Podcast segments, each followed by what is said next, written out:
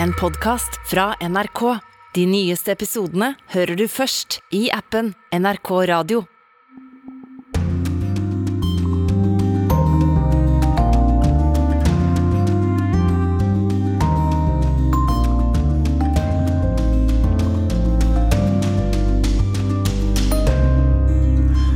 Kan spenninga i forholdet mellom Russland og Ukraina bli dempa av diplomatisk møtemaraton neste veke? Vi spør i Urix på lørdag. Positivt at Russland stiller på møte med Nato etter å ha nekta i lang tid. Det sier Nato-sjef Jens Stoltenberg. Klesbransjen er en av de største klima- og miljøsynderne.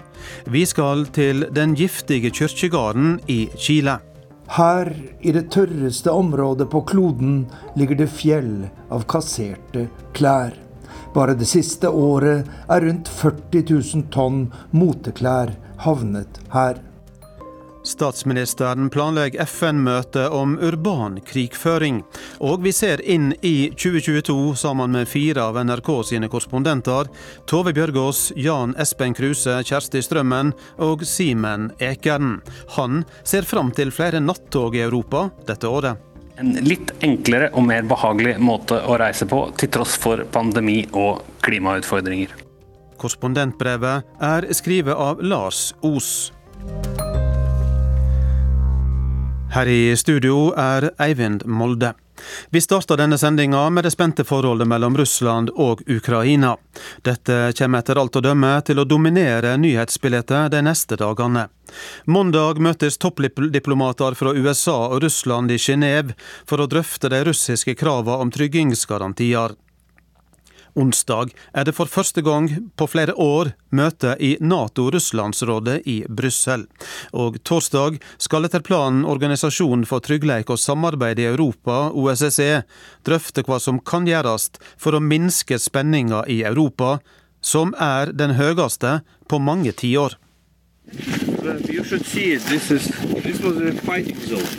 This this is the result of the of the heavy fighting that took place here. Akkurat her var det harde kamper. Ukrainas utenriksminister Dmitrij Kolebo viser EUs utenrikssjef Josef Borrell rundt i området utenfor Stansia Luhanska, helt øst i Ukraina.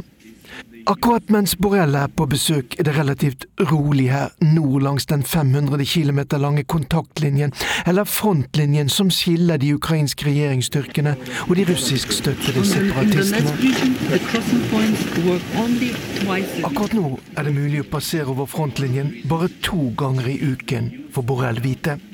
Konflikten og koronaepidemien har gjort skille mellom de rundt tre millioner ukrainerne som bor i de områdene som kontrolleres av separatistene, og resten av Ukraina større.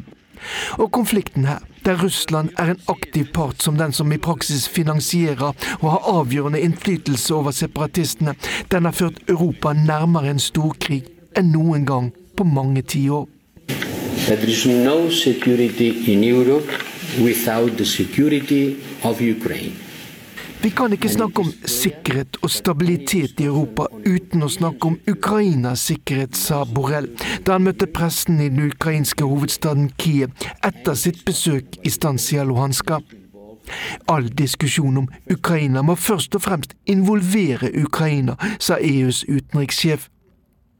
Dette med klar henvisning til den frykten som nå er i Ukraina og i deler av EU, om at Russland og president Vladimir Putin gjennom å snakke direkte med USA og president Joe Biden vil ta avgjørelse over hodet på både ukrainere og europeere.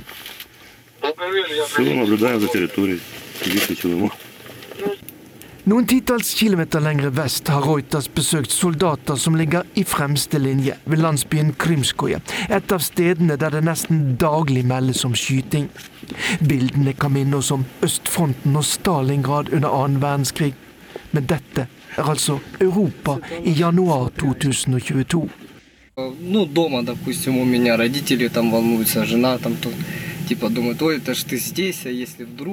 Hjemme så er min kone og mine foreldre bekymret. Er du der borte? Det er jo nært Rastov i Russland, sier de. Soldaten kaller seg Martin. Alle her, på begge sider av fronten, bruker såkalte krigsnavn. Men jeg har ikke tenkt å være her for alltid, sier Martin.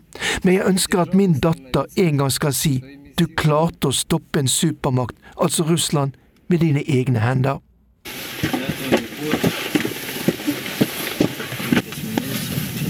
Soldatene her er kledd i hvite kamuflasjedrakter. Det er en halv meter snø og kaldt i Øst-Ukraina nå. Frykten for krig er der, men soldatene har levd med den lenge og lar seg ikke stresse opp. Men den russiske troppoppbyggingen og de russiske kravene om at Ukraina ikke må bli en del av Nato eller ta imot offensive våpen som kan true Russland, har skapt uro. Noe den ukrainske utenriksministeren Dmitrij Kuleba trakk fram overfor EUs Josef Borrell. Ukraina og Europeisk Союз єдині в тому, що Ukraina og EU er enige om at Russland ikke har rett til å dele Europa inn i soner av innflytelse, eller hvordan forholdet mellom EU og Ukraina skal være, sa Kolebo. Den unge ukrainske utenriksministeren er selv fra Sumi, grenseområdet mot Russland i øst, et av de stedene mange frykter Russland kan komme til å gjennomføre det de selv har definert som en militærteknisk operasjon. Selv avviser russiske myndigheter at de har planer om å angripe, men har gjort det klart at alt nå avhenger av om de blir tatt på alvor av USA, Nato og Vesten i de samtalene som skal starte de nærmeste dagene. Det var kollega Morten Jentoft som hadde laga denne reportasjen.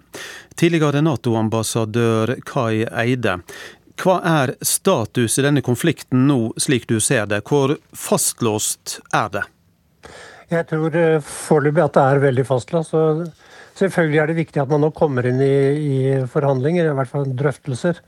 Men jeg tror det skal lang tid til før man greier å definere en dagsorden for slike samtaler som, som kan uh, ta oss i riktig retning. For her sitter partene, og særlig Russland, ikke sant, med sine krav, så, så dypt i sine utgangsposisjoner at å komme ut av dem skal, kommer til å kreve tid.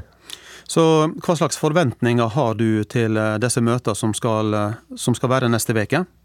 Altså, optimistisk sett så vil jeg håpe at uh, begge parter nå seg, kan sette seg ned og drøfte helt konkrete ting som har å gjøre med styrkenivå, øvelser,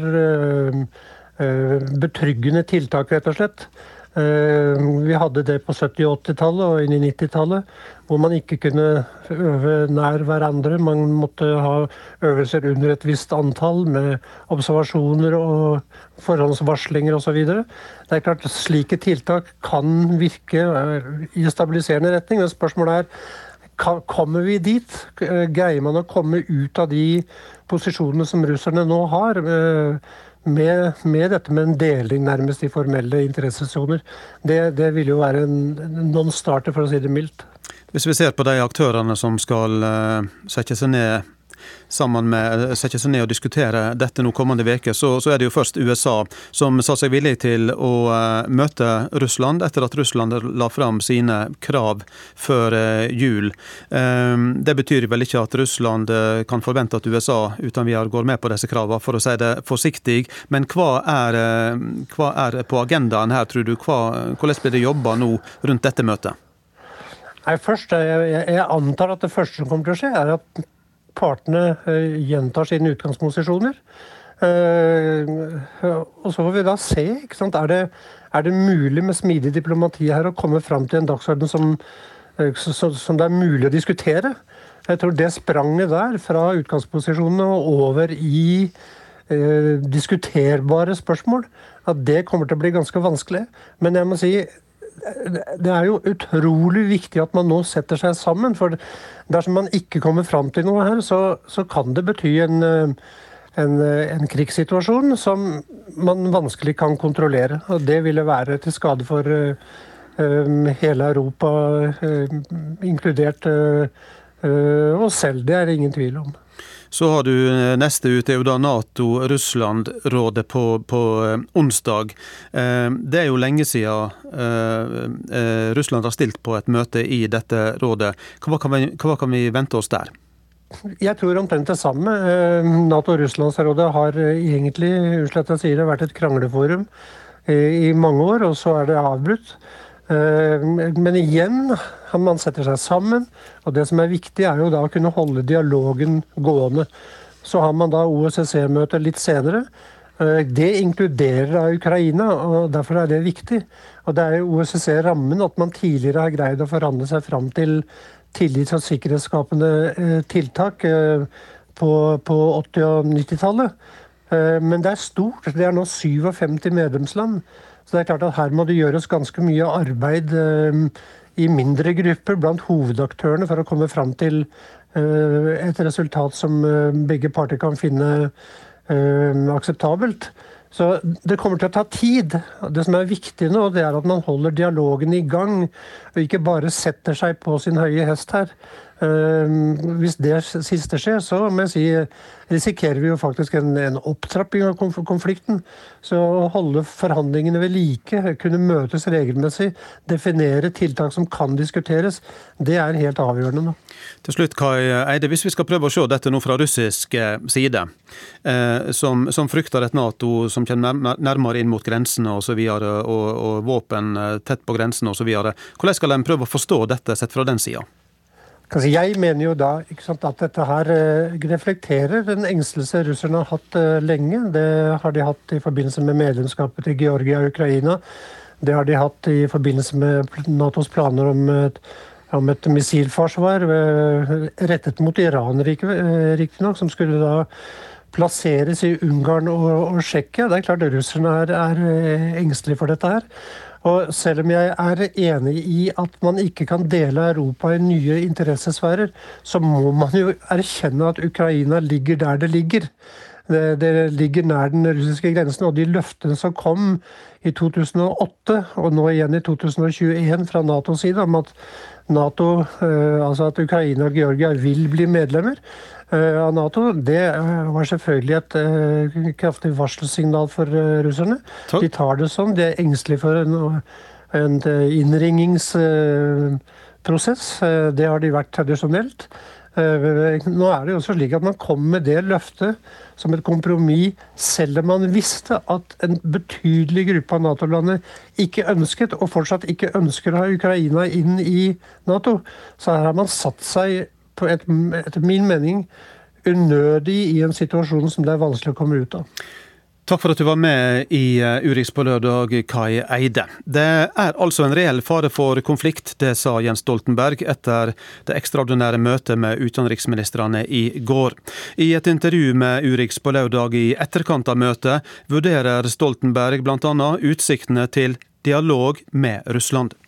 Selv om man ikke tror det er mulig å forbedre forholdet til Russland, så må vi snakke med Russland for å unngå at vi gjør en vanskelig situasjon enda farligere. Da Natos utenriksministre møttes virtuelt i går, forberedte de seg til de mange samtalene med Russland i neste uke. Men de forberedte seg også på muligheten for et sammenbrudd i den diplomatiske dialogen. Vel, Det gjenstår jo å se hvor eh, reell vilje det er fra russisk side eh, å eh, ha samtaler og vise vilje til å finne en politisk løsning, unngå militær konflikt. Men det er i det minste et positivt tegn at Russland er villig til å sitte ned, møte Nato-landene. De har Eh, over mange måneder nektet å møte. Nå vil de møte, og da skal vi ta det på det største alvor. Vi skal bruke den muligheten. Eh, så får vi se, da. Eh, og jeg, håper, jeg tror ikke at det er slik at alle problemene løses på et møte i Nato-Russland-rådet neste uke. Men forhåpentligvis kan det sette i gang en prosess er du bekymret for at de dramatiske hendelsene i Kasakhstan de siste dagene vil gjøre noe med forhandlingsposisjonen til Vladimir Putin? At det blir enda viktigere for ham å vise at han eh, er sjefen i sitt nærområde? Jeg er veldig varsom med å spekulere på hvordan Russland kobler, og om de overhodet kobler det som skjer i Kasakhstan med det som skjer i Ukraina. Eh, det forandrer ikke vår posisjon i forhold til Ukraina. Uh, uansett. Uh, og når det gjelder Kasakhstan, så er vi uh, dypt rolige for det som skjer. Vi følger utviklingen veldig nøye. Det er dypt tragisk at menneskeliv har gått tapt. volden må stoppe, og ikke minst må menneskerettigheter respekteres. Hvis vi ser litt uh, framover, dette blir det siste året ditt som generalsekretær i Nato. Hvilke andre utfordringer ser du for deg kommer til å dominere de månedene som venter oss nå? Altså Erfaringen med snart åtte år i Nato er at det alltid er veldig vanskelig å forutse hva er den neste krisen, hva er den neste eh, utfordringen, fordi vi lever i en usikker tid. Eh, så istedenfor å spå eh, hva som kan være den neste krisen vi står overfor, så er jeg opptatt av at Nato skal være forberedt på det uforberedte. Er det noe du har ambisjoner om å eh, gjennomføre eh, de siste månedene av din tid som generalsekretær? Har du en kongstanke som, som skal fullføres før du eh, avslutter? Det er at vi har et samlet Nato eh, som vedtar et veldig ambisiøst program eh, på toppmøtet i eh, Madrid i juni. og det er ikke en liten sak å holde 30 ulike land med ulike historier fra begge sider av Atlanterhavet sammen i en uforutsigbar tid. Men jeg er trygg på at eh, det toppmøtet kommer til å demonstrere den eh, enheten. Eh, enighet er jo ikke akkurat det som preger din søknad om ny jobb nå. Sist er det Siv Jensen som krever at du skal trekke den søknaden. Hva tenker du om et sånt utspill? Altså, jeg har søkt en jobb i, i, i Norges Bank som sentralbanksjef, og jeg tror alle er tent på at den prosessen foregår på en mest mulig eh, normal måte. og Derfor kommer ikke jeg til å inngå, gå inn i noen politisk debatt eh, om den prosessen. Det var Simen Ekern som hadde møtt Jens Stoltenberg.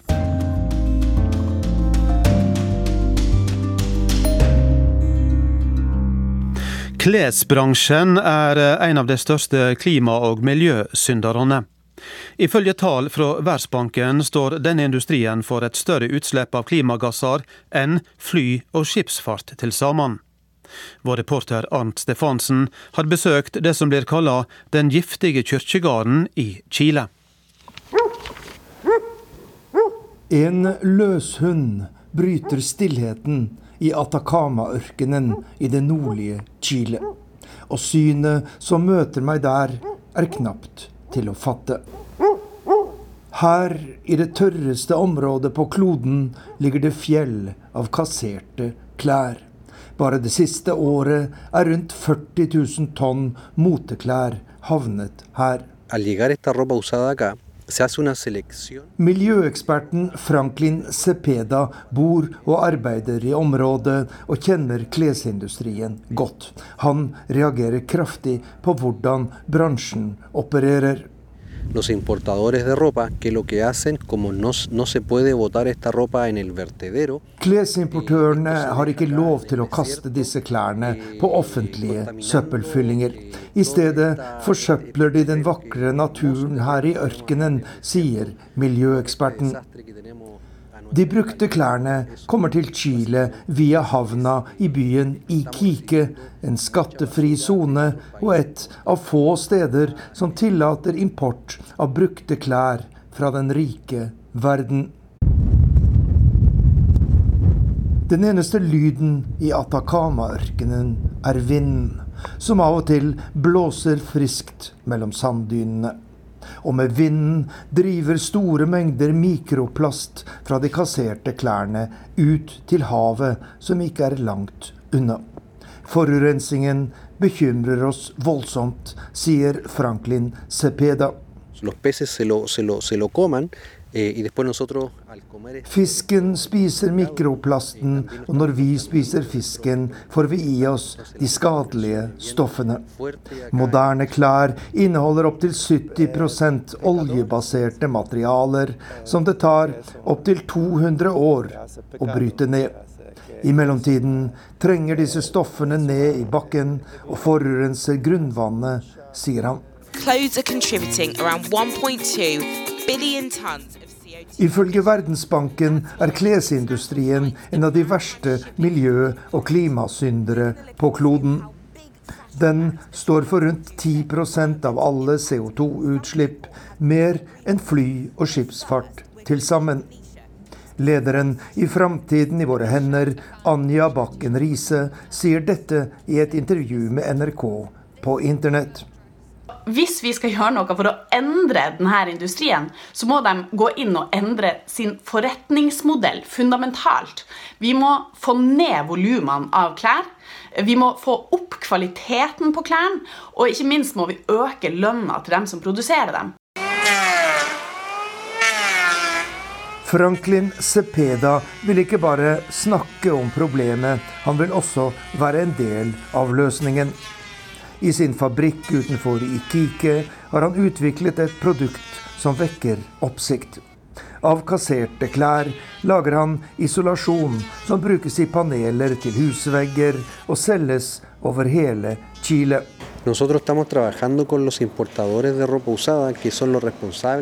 Vi samarbeider med importørene av brukte klær, de som har ansvaret for at disse klærne blir lagt ut i ørkenen.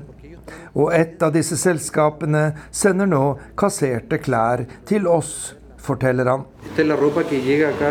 42-åringen har fått utmerkelsen Årets chilener for sine ideer om gjenvinning, men han advarer mot å tro at slike prosjekter kan løse de enorme avfallsproblemene i klesindustrien.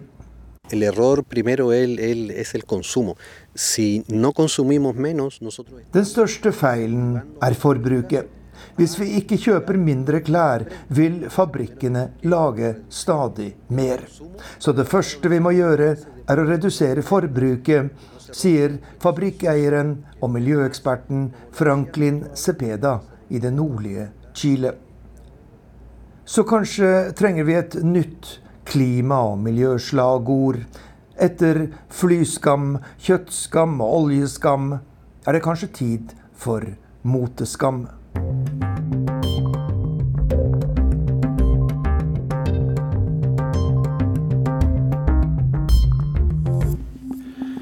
Første veke som leder av Tryggingsrådet i FN er tilbakelagt for de norske diplomatene i New York. I Oslo forbereder statsministeren seg på å reise til New York for å holde et møte om urban krigføring. Men pandemien kaster skugger over det norske formannskapet og de norske prioriteringene. Anders Tvegård er reporter. How do you see from your seat as a president of the council that this topic? I have a question on the two-state solution. I, I want you mentioned that Israel. Uh, Some event like this happens. What you will do? What is the end of this uh, route? How bleak are things globally? FNs pressekorps tester ut Norge. Thank you for your question, James. I, I, certainly think that, uh, that it is quite bleak. Det er en dyster situasjon i verden, sa FN-ambassadør Mona Juel da den norske delegasjonen inviterte, for å fortelle om hva som skal skje i Sikkerhetsrådet denne måneden. Norge har overtatt styringen av verdens mektigste sal i januar. Målet med formannskapet er å fremme en tydelig norsk utenrikspolitikk i konkurranse med pandemi og nye konflikter som plutselig krever oppmerksomhet. But new year, new opportunities, and we need to remain optimistic. I Oslo har statsministeren invitert hjelpeorganisasjoner for å komme med innspill. La meg ønske godt nyttår og ønske velkommen.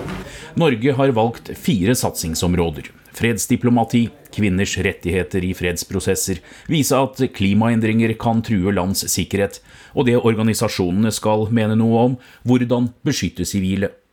Men eh, Sikkerhetsrådet er et barometer på hvordan det står til. Ønskene kan overkjøres. Og da er det litt sånn, Når jeg ser på det, så tenker jeg at det minner litt om det å, å, å sitte i, i, regjering. Vi har en Hurdalsplattform.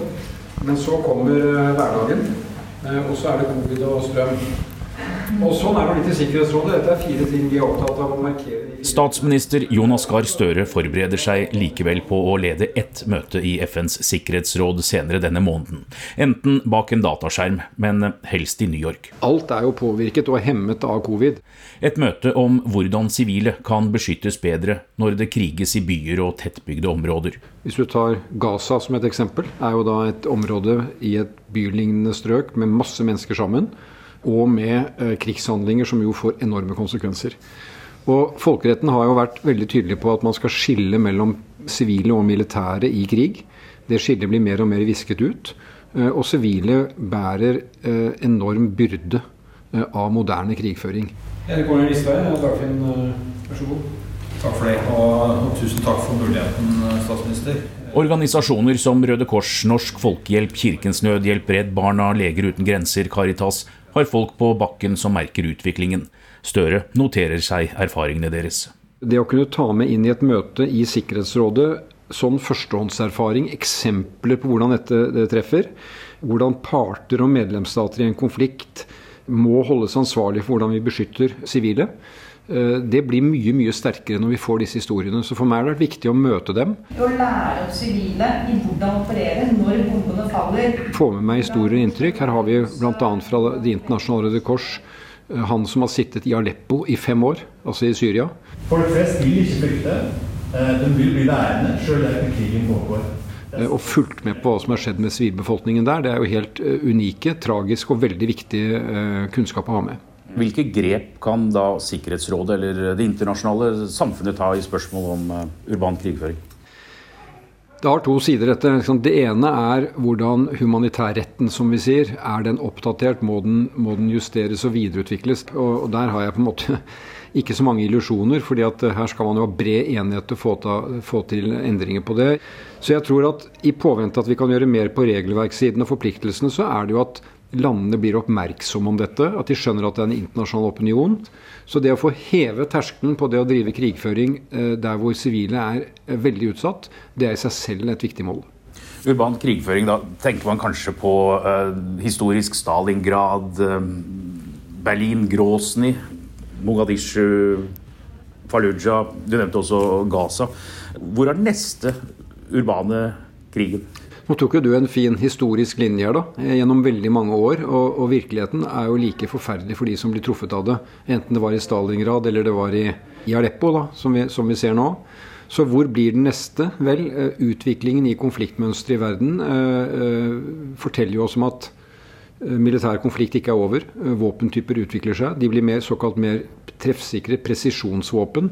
Men det er egentlig en illusjon. For et presisjonsvåpen kan treffe bygninger den skal treffe, men den skiller ikke mellom hvem som er inne i bygningene.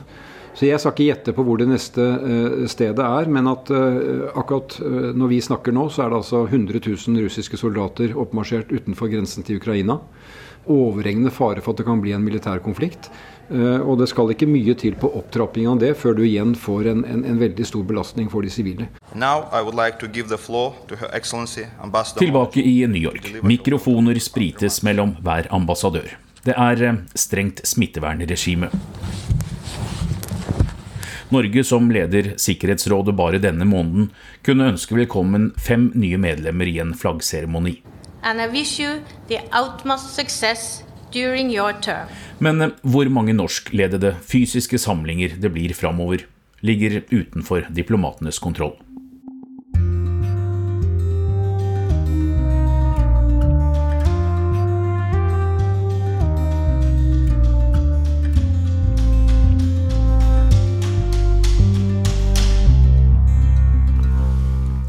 Nytt år og blanke ark. Og vi er vel alle spente på hva det nye året vil bringe. Foreløpig er vi bare kommet til dag åtte i 2022. Hva har vi å se fram til dette året? Hva er de store utfordringene? Vi skal se inn i 2022 sammen med fire av NRK sine korrespondenter. Fra vest til øst har vi med oss USA-korrespondent Tove Bjørgaas, europakorrespondent Simen Ekern, Russland-korrespondent Jan Espen Kruse og Asia-korrespondenten vår Kjersti Strømmen. Først eh, Tove Bjørgaas i Washington DC. Hva blir de største utfordringene i 2022, slik du ser det? Jeg tror det blir eh, de store utfordringene demokratiet her står overfor nå, med sterk mistillit mellom venstre- og høyresida, og også eh, rett og slett mistillit til hvordan hele valgsystemet og det demokratiske systemet fungerer. Og så tror jeg det blir økonomi. Det er rekordlav arbeidsledighet i USA nå. Under 4 eh, Tall kom nå fredag. Eh, og samtidig så stiger prisene voldsomt. Og det er store endringer i, i både hvor folk vil jobbe og hvordan de får endene til å møtes. Så det tror jeg også blir spennende. Simen Ekern i Brussel, eh, hva venter Europa av store utfordringer i dette året? Og Det er vel dessverre slik at noen av de mest presserende utfordringene de kommer til å handle om pandemien fortsatt. Hva skjer når millioner av arbeidstakere sitter i karantene? Hvor strenge tiltak er befolkningen villig til å gå med på? Når kommer det nye og bedre vaksiner? Hvor aktive skal Europa være i å sikre vaksiner for resten av verden? Og så er det jo i kjølvannet av det, da, økonomien. Hvor rammet blir den av situasjonen nå? Hvordan går det med de skyhøye strøm- og gassprisene? Og, og hva med det grønne skiftet oppi alt det der? Klarer Europa å være ledende i klimaspørsmålet, sånn som ambisjonene tilsier? Ja, Espen Kruse, du er i Moskva, og, og hva venter Russland eh, av store utfordringer i, i dette året? Det store spørsmålet her i Russland er jo om det blir krig mellom Russland og Ukraina, som en god del frykter. Hva betyr denne styrkeoppbyggingen fra russisk side langs grensa til Ukraina? Hvordan blir eh, forholdet mellom eh, Russland og Vesten, og særlig USA, i eh, tiden som kommer? Og Kommer det til å bli noen politisk opposisjon i Russland, eller er den knust for veldig lang tid framover? Dessuten så lurer mange på hvilken vei Russland går. President Vladimir Putin utvikler et stadig mer eh, autoritært eh, styresett. Eh, hvor langt kommer han til å gå i den retningen, lurer veldig mange russere på. Kjersti Strømmen, du har Beijing som base. og Hva er de største utfordringene i, i Kina dette nye året? Ja, Det som eh, viser seg å være en stor utfordring, er jo eh, nulltoleransen mot covid. Kina er iallfall eh, et av svært få, om ikke det eneste landet, som har nulltoleranse mot covid, og ser jo at det er svært vanskelig å få til. Selv med stengte grenser, når man nettopp stengt ned to millionbyer for å slå ned på dette viruset. Og resten av verden har jo bestemt at det skal gå an å leve med det, men det ønsker altså ikke Kina. Og så er det Taiwan, som er et veldig stort eh, stridsspørsmål. Der eh, det er jo ingen tvil om at denne øyen mener Kina eh, skal tilbake til moderlandet før eller senere. Og her har man jo da mm, både USA og andre land, som Japan, som mener at man nå må gå sterkt til verks for å hindre at det skal bli en fysisk overtakelse av Taiwan. Og så har vi da partikongressen som kommer på høsten i 2022. Der det vel kanskje ikke er noen tvil om at Xi Jinping kommer til å fortsette. Han har jo fått en slags posisjon som evig president, men likevel et svært viktig politisk møte der en del interessante politiske rokeringer kan skje. Vi skal eh, komme tilbake til eh, noen av disse tingene videre i denne samtalen med de fire korrespondentene våre. Og eh, tilbake til deg nå, Tove Bjørgaas. Du nevnte demokrati som et stikkord. På hva måte har USA en utfordring på det punktet i 2022? Jeg vil si at det nesten er en slags total mistillit her mellom ulike sider av politikken.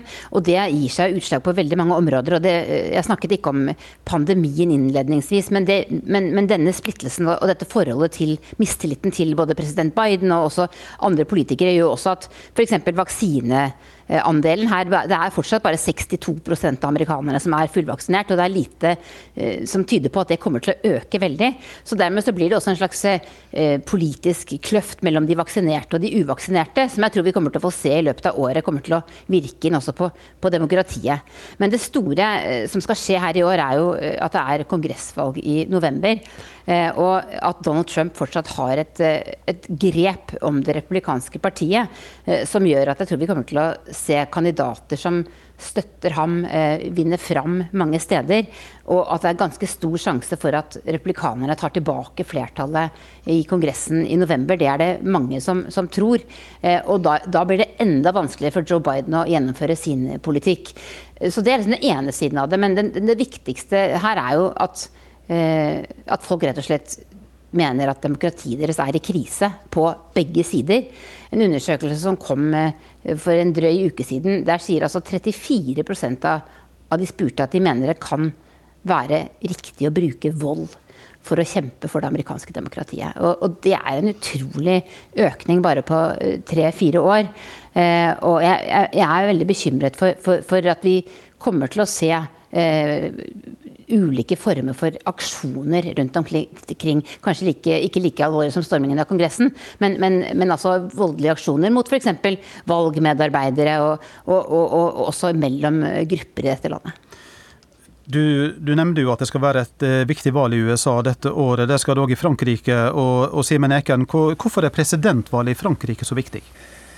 Det er viktig eh, av mange grunner. Det er viktig fordi Europa står i en situasjon der eh, Angela Merkel ikke lenger er den eh, ukronede dronningen. Og, Emmanuel Macron er jo en av dem som, som, har veldig store ambisjoner på sitt lands vegne og har lyst til å være ledende i Europa. Frankrike har jo også formannskapet i EU nå i vår, samtidig som det, den presidentvalgkampen pågår. Så det er et valg som handler om Frankrike men, men, det handler jo eh, på mange måter også om eh, Europa. Og så er det interne, eh, den interne diskusjonen i fransk politikk minner jo også om den diskusjonen som man har mange andre eh, steder eh, i verden. Vi har fått en ny kandidat, eh, Erik Zemmour, som dukket opp fra ingensteds, eller fra en, en veldig populær, et veldig populært TV-program, og, og, og, som best bestselgende forfatter, og, og er en, en, en, mann som driver valgkamp eh, litt på samme måte som Donald Trump kanskje eh, i USA, i alle fall med å Eh, trigge eh, konflikter, hevde at Frankrike allerede er i borgerkrig, at landet er i ferd med å begå selvmord fordi man ikke eh, klarer å stå trygt og godt nok på egen historie og egen identitet, men er i ferd med å bli utvannet eller skiftet ut av mennesker fra andre deler av verden. Dette er jo en konflikt som man ser mange steder, og som har tilspisset seg voldsomt i Frankrike. og Derfor så blir det veldig interessant å se. Hvor langt kommer en politiker med den type retorikk i Europa? I hvor stor grad, grad klarer de etablerte eh, politikerne, i den grad de fortsatt fins, å forsvare seg mot eh, utfordringene fra, fra den type eh, ytre høyre retorikk? Jan Espen Kruse, du var inne på dette spente forholdet mellom Ukraina og, og Russland. Dette handler jo langt mer enn om en lokal konflikt ved grensa, for å si det sånn. Det handler jo ikke minst om forholdet til Vesten og til Nato. Hvor stor utfordring blir dette for Russland nå i tida framover? Jo, Dette blir den viktigste saken i den nærmeste tiden. Det mange spør seg om er hvorfor har Russland utstasjonert om lag 100 000 soldater og mye våpen og kjøretøy langs grensa til Ukraina. Eh, er det for å gjennomføre et angrep eh, på nabolandet, eventuelt mot den østlige delen, der russiskstøttede separatister eh, kontrollerer to store områder. Det vet man jo ikke. Men vestlig etterretning frykter jo at det er det russerne er i ferd med å gjøre. Ehm, mens eh, president Vladimir Putin selv sier at eh, nei da, han har ikke tenkt å angripe. Ehm, russiske styrker øver på sin eh, egen jord, og det har de full rett til, sier han. Ehm, men usikkerheten rundt det som skjer her er veldig, veldig stor. To eksperter eksperter her i Moskva som jeg snakket med nylig, eh, de sa at eh, kanskje det viktigste sett fra Putins side, det er å få i gang forhandlinger med Nato og med EU Eh, og at eh, det er det viktigste med det å samle de russiske styrkene nær eh, Ukraina. Det er å få gjennomslag for russiske synspunkter om at de må ta vare på sin egen sikkerhet. Og derfor har Putin da kommet med dette kravet om at Ukraina aldri må bli Nato-medlem, og aldri må ha store Nato-baser med rakettvåpen som kan rettes inn mot Russland like ved. Så det er veldig, veldig stor interesse rundt eh, de forhandlingene som skal foregå eh, de nærmeste dagene om eh, dette viktige temaet. Kjersti Strømmen, du var inne på dette med utfordringene rundt korona og pandemien. Hvor stor utfordring blir det for styresmaktene i Kina å ha en så streng politikk på dette og gjennomføre det i praksis? Ja, Den største utfordringen for Kinas nulltoleranse for covid, er jo at verden utenfor ikke håndterer pandemien. Så selv om de driver brannslukking intenst i Kina når det måtte dukke opp, så eh, kommer det jo likevel til å komme tilfeller så lenge det ikke er håndtert utenfor. Eh, og dette er jo et svært viktig politisk prosjekt for Kina å vise at deres strategi fungerer. Og derfor, altså Én ting er at man skal hindre at befolkningen blir smitta, men det andre er jo også å vise verden at de har den rette eh, håndteringen av det. Men det koster. Man har, ser nå at i to millionbyer i eh, Kina, bl.a. Xi'an, der eh, man jo kjenner til disse terrakottakrigerne, har jo vært nedstengt nå siden jul, omtrent. Og eh, folk melder om at dette er nesten som Wuhan 2 der folk blir isolert. De får ikke mat og drikke. Eh, de kommer ikke inn på sykehus fordi de kanskje ikke har den rette covid-testen. Altså egentlig en ekstremt vanskelig situasjon for de som bor i denne byen. Eh, og så er det jo også det at det, det er så vanskelig å komme inn i Kina nå. Må du ha oppholdstillatelse for å komme inn. Og har du det, så er det to uker i isolasjon på et hotellrom. Du slipper ikke ut fra dette rommet. Og skal du til Beijing, så er det tre.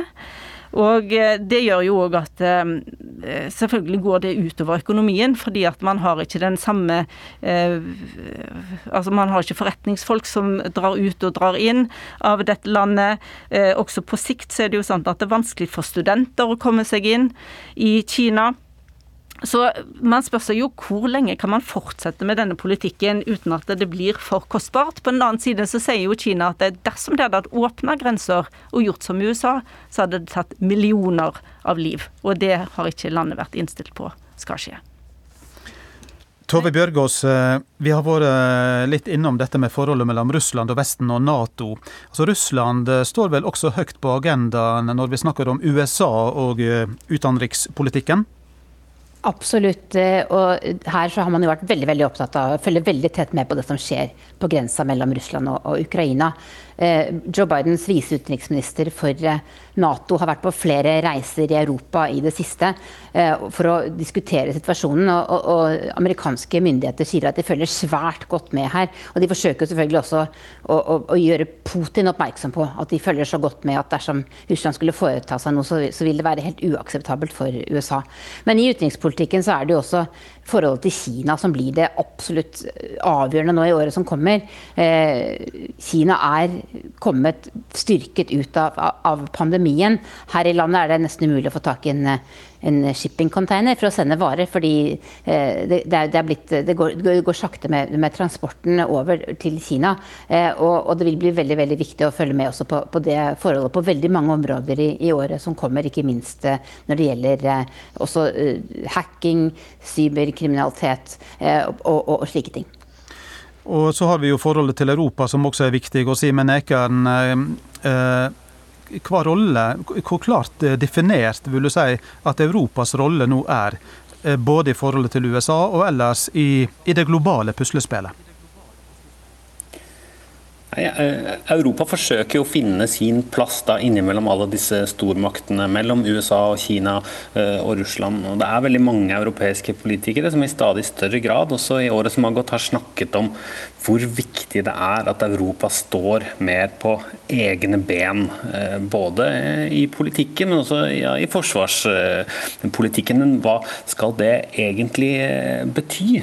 Senest denne uka, mens alle øyne er rettet mot eh, Ukraina eh, og Russland, så, så klaget Frankrikes utenriksminister på eh, at ikke EU e i tilstrekkelig grad er inkludert i disse forhandlingene som nå skal pågå. At Russland med vilje har skjøvet EU vekk, nettopp for å bidra til det mange mener Russland har gjort i det siste. Forsøke å skape splittelse i Den europeiske unionen, i det europeiske samarbeidet. Nettopp fordi man ikke er fornøyd med disse ambisjonene om at Europa skal bli eh, større og sterkere og mer eh, selvstendig. Så mye av det geopolitiske spillet vi har sett, enten det handler om gasspriser eller om eh, migrasjon, det handler jo også litt om dette. Hva skal Europa klare å være? Hvor stor innflytelse på verdenspolitikk skal Europa klare å ha?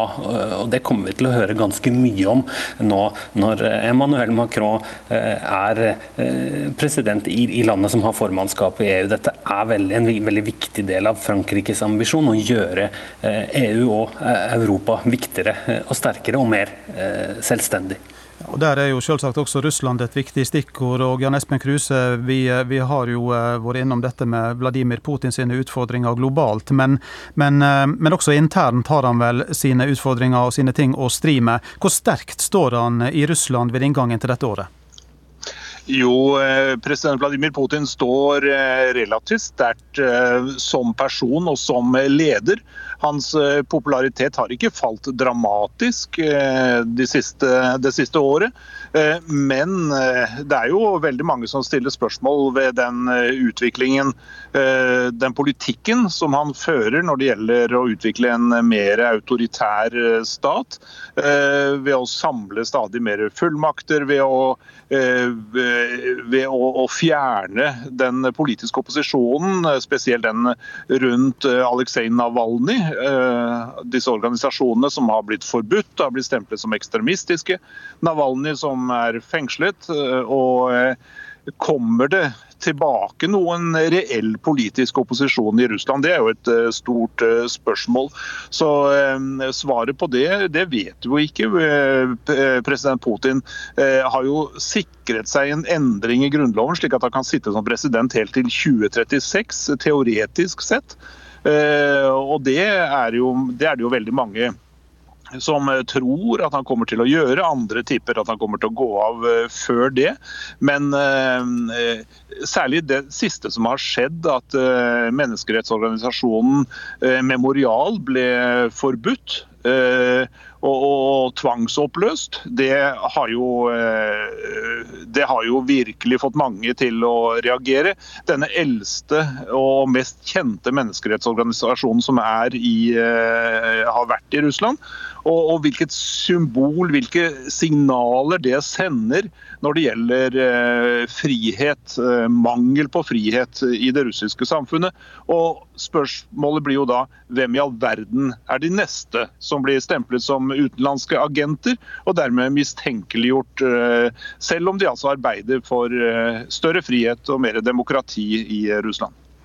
Kjersti Strømmen, hvordan skal Kina spiller sine internasjonale kort dette året. Du har allerede nevnt eh, Taiwan som, som ett stikkord. Ja, Kina er jo først og fremst opptatt av eh, seg sjøl. Og eh, Xi Jinpings store misjon er jo å gjøre Kina til en sterk velferdsstat innenfor relativt kort tid. Så akkurat internasjonalt så er jo Kinas posisjon svekka, kan vi si. Så det er mange angrep på Kina når det gjelder bl.a. menneskerettigheter.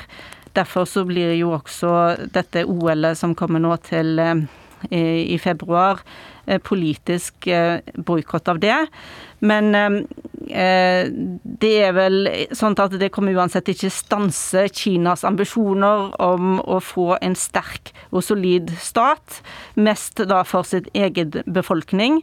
Dette er jo et land som spurte fremover i fremtiden i en fart som få av oss klarer å forholde oss til. Og eh, her ser man jo også da at Kina ønsker å bli en teknologimakt, og det er jo en av de tingene som eh, man ser at USA prøver å forhindre med å dele teknologi. Og da har eh, Kina sagt at de ønsker jo da å utarbeide sin egen teknologi og både bygge og kjøpe egenproduserte ting, sånn at man ikke skal være så avhengig av verden. Vi er straks eh, ved veis ende i denne eh, samtalen eh, om 2022, men avslutter med et kort spørsmål til alle fire korrespondentene. Hva har vanlige folk å se fram til i 2022? Først Tove Bjørgaas. Ja, her har folk forhåpentligvis et veldig godt arbeidsmarked å glede seg til. Ledigheten er rekordlav.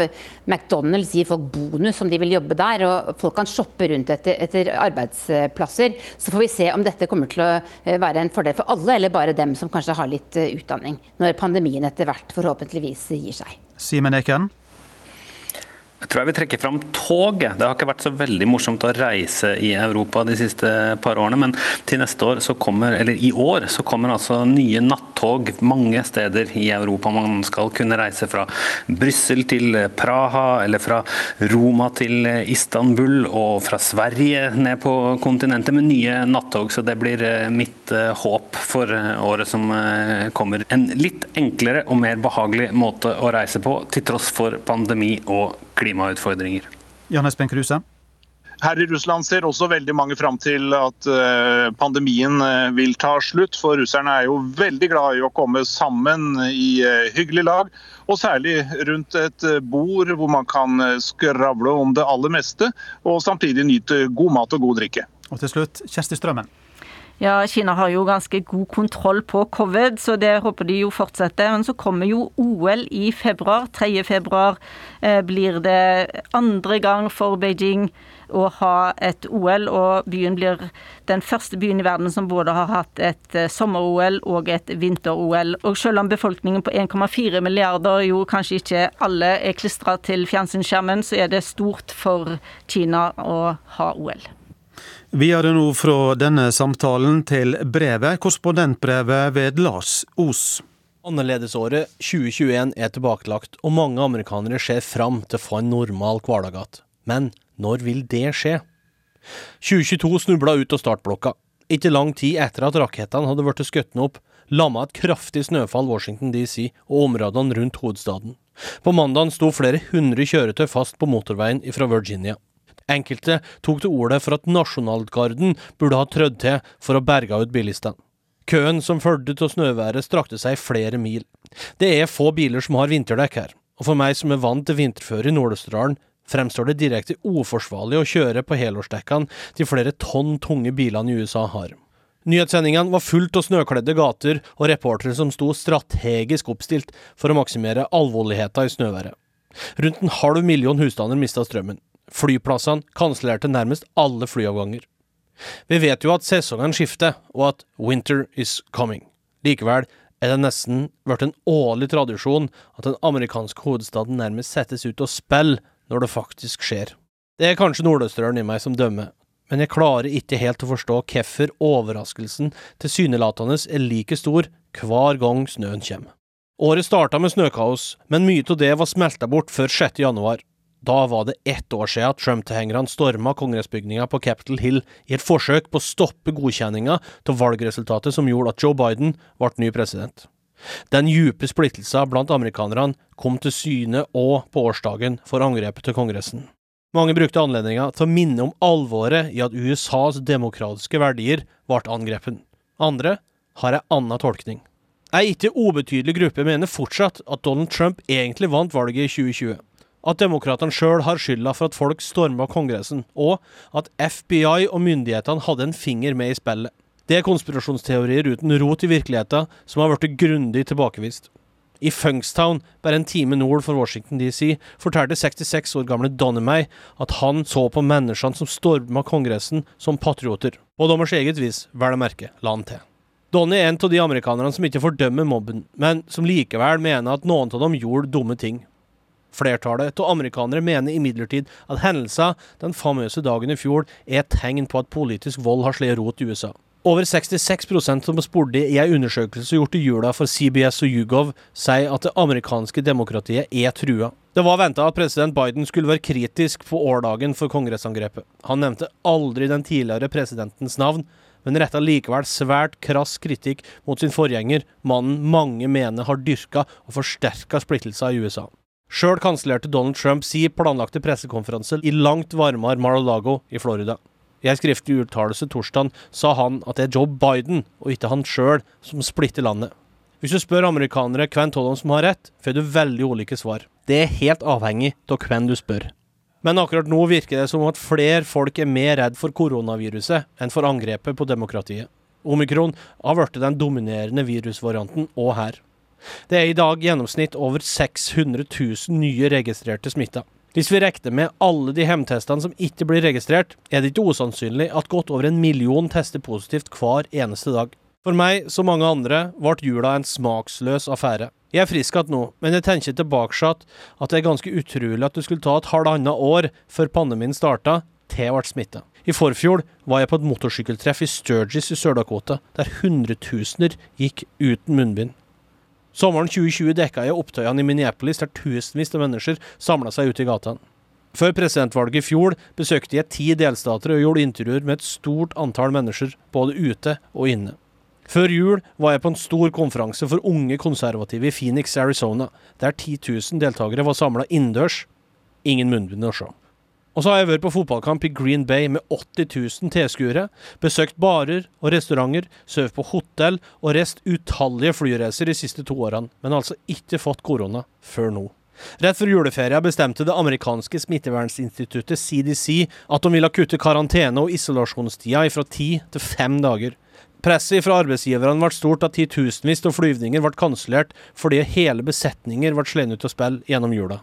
Smittevernlege Linnea Wen skrev i Washington Post en uke at en vei tilbake til normalen kan være at folk bruker gode munnbind i stedet for at de isolerer seg hjemme. At vi finner en måte å leve med korona på, fremfor å gjemme oss. Og sjøl om omikron smitter mye lettere enn delta-varianten, var millioner av amerikanere på reisefot i jula. De vil så gjerne tilbake til en normal hverdag. Flere plasser i landet vil de helst glemme hele pandemien. I Florida og Miami, der smittetrykket nå er høyt, flokker turistene til barene. Da jeg var der i desember, fikk jeg et inntrykk av at både amerikanere og utlendinger ville flykte fra viruset. I historiske Little Havanna vandra jeg rundt sammen med guiden Danny. Han var tydelig på at her kunne folk få fritt bestemme sjøl om de ville bruke munnbind eller ikke, uten å få dømmende blikk. Men tallene tyder på at omikron ikke vil slippe taket helt ennå. Favorittrestauranten min i Shaw-distriktet i Washington DC har slettet gjennom hele desember med å bemanne slik at de kan holde åpent. De ansatte har alle hatt en eller annen form for symptomer. Bartender Madison har sjøl vært smitta to ganger siden 2020. Dette har vært et problem for butikker, barer og servicenæringa generelt, og nå sprer det seg utover hele landet. Skolene i flere delstater har utsatt oppstarten etter nyttår. Ungene er nødt til å ta den første uka i 2021 på skolebenken hjemme. Det er det ikke alle foreldre som liker. De skolene som har åpna opp, krever at ungene testes, men det er fortsatt veldig vanskelig å oppdrive hjemmetester, og mange av dem koster flere hundre kroner. For ei stor familie med lite å rutte med, er det mye penger. Det er imidlertid et viktig lyspunkt å ta med seg i de første dagene av det nye året. Sjøl om smittetallene har eksplodert, har ikke antall daglige koronarelaterte dødsfall økt i stor grad. Det tallet ligger nå på rundt 1400 hver dag. Og sjøl om det er et voldsomt høyt tall, er det relativt sett lågt sett opp mot smittetallene. Og det kan være den første gode nyheten i 2022. Teknisk ansvarlig for denne sendinga Helje Svensson, produsent Tom Ingebrigtsen og her i studio Eivind Molde. Du har hørt en podkast fra NRK. De nyeste episodene hører du først i appen NRK Radio.